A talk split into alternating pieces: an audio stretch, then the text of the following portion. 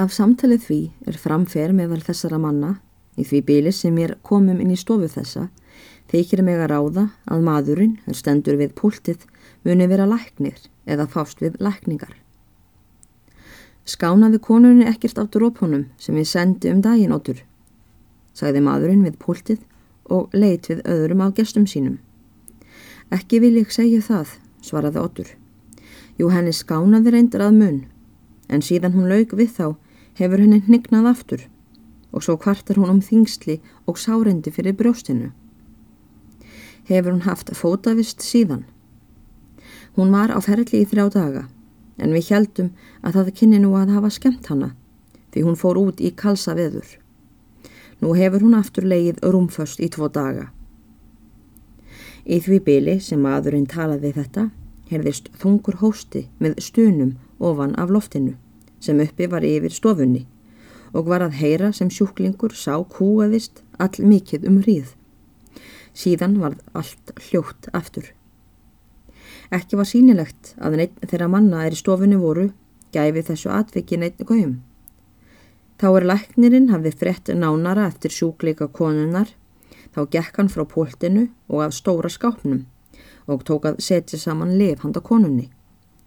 Að því búinu fekk hann otti tvö glös, annað með dökkrauðu og hitt með svörtu meðali í og mælti. Þessa drópa tekur konan inn aðra hvoru stund, alltaf 30 drópum í senn. En af þessu lifi, segir læknirinn um leið og hann réttir svartaglasið, tekur hún eina teskeið þrísvar á dag. Aftur heyrist sami þingsla hósti ofan af loftinu. Þetta ítrekkast alltaf við og við. Þegar læknirinn hafði afhengt Livíaglösin, gekk hann aftur að púltinu, tók penna og ritaði nokkur orð í innfesta pappirsbók er hann tók upp úr draghólfi púltsins. Að því búinu tók hann til orða og mælti, um leið og hann leit til þess mannsins, er hann hafði ekki átt orðastað við næst á undan. Hvað gengur að þér, Vigfús? Það er þetta sama sem ég talaði um við yður í vor, ansaði Vigfús. Þér helduð það myndi vera meinlæti og ég held það óg. Tilkenningin helst við fyrir brjóstinu og það fer heldur í vöxt, mælti Vigfús. Ég þóli ekki orðið neitt á mig að reyna. Mér þætti vænt ef þér gætuð eitt hvað líknað mér. Eftir skamral stundar dvöl gekk læknirinn að lifjaskapnum aftur og tók þaðan út plástur sem hann bjó um og fekk vigfúsi og mælti. Þú verður að reyna að leggja þennan plástur á brjóstið og yfir verkin. Í því byli sem læknirinn slefti orðinu heyrist þitur og hundgá útifyrir og mátti heyra glöglega að reyðið var í hlaðið. Læknirinn gekk út að glugganum og mælti er hann sá hestana. Grár, múalóttur, tveir rauðir, tveir menn lausriðandi með tvo til reyðar hvor. Hverjir geta það verið? Mér er nær að halda þeir séu langt að. Og í þessu byli eru lostinn þrjú högg í bæjardýra þilið. Já, þú hefur það svona með plásturinn vikfús, mælti læknirinn til sjúklingsins aftur drepur hann út í lérefstríu, leggur hann yfir verkin og gengur svo með hann á meðan hann endist. Læknirinn tók nú pennan aftur og reytaði nokkur orð í sömu bókina sem áður. Á meðan hann er að þessu er lokið upp stofuhurðinni í halva gátt og sagt Tveir langferðamenn vilja tala við læknin. Ætli þeir fari lengra í dag, spurði hann. Líklega ekki, er svarað í dýrunum. Annar þeirra spurði hvar hér væri bestir hagar fyrir hesta. Láttu mennin að koma inn, mælti læknirinn og var nú stofuhurðinni lokað aftur. Læknirinn reytaði enn fáinn orð sem hann átti eftir og let síðan bókina niður í draghólfið og læsti því síðan.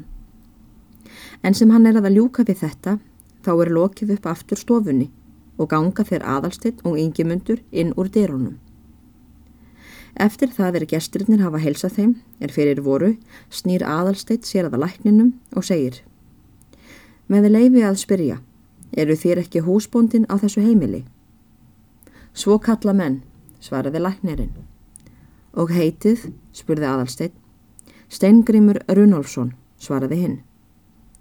Aðalsteinn virti fyrir sér þannig ókjanda mann. Læknirinn gekk nú til og tók þann stólinn er auður stóð í stofunni og færði hann að borðinu og bauði nú gestunum til sætis. Ingi mundur settist á stólinn og benti steingrimur þá aðalsteini að fá sér sæti í legubeknum og hlaut hann að ganga að framanverðu við borðið þeim megin sem gluggarnir voru til að komast ángað. En sem aðalstein gekk þessi spór varð honum litið á ólíumyndina sem hjekk á þilinu yfir legubeknum. Honum brá auksinilega er hann sá þessa mynd. Hann horfi á hann stöðugt meðan hann var að komast í kringum borðið og var sem vildi hann treyna sér spórin til að geta skoðað myndina sem lengst. Loks hlaut hann að hætta að horfa myndina er hann var sestur og hafði hann hana þá yfir höfði sér. Þegar hann settist og snýri sér við var hann rjóður af blóðsræringu. Þið munuð verað langt að komnir góðri menn, sagði Stengrimur nú til gesta sinna. Já, svaraði Ingemundur. Þetta er sjöndi dagurinn síðan við fórum að heiman og höfum þó oftast nær riðið liðugt. Og hvaðan eru þið? spurði húsraðandi.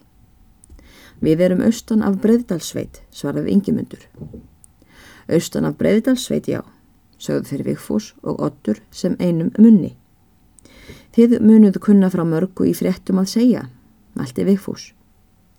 Já, þið held ég vitið eitthvað úr svo langri ferð, sagði Ottur og tóku þeir nú að hlusta með aðtökli.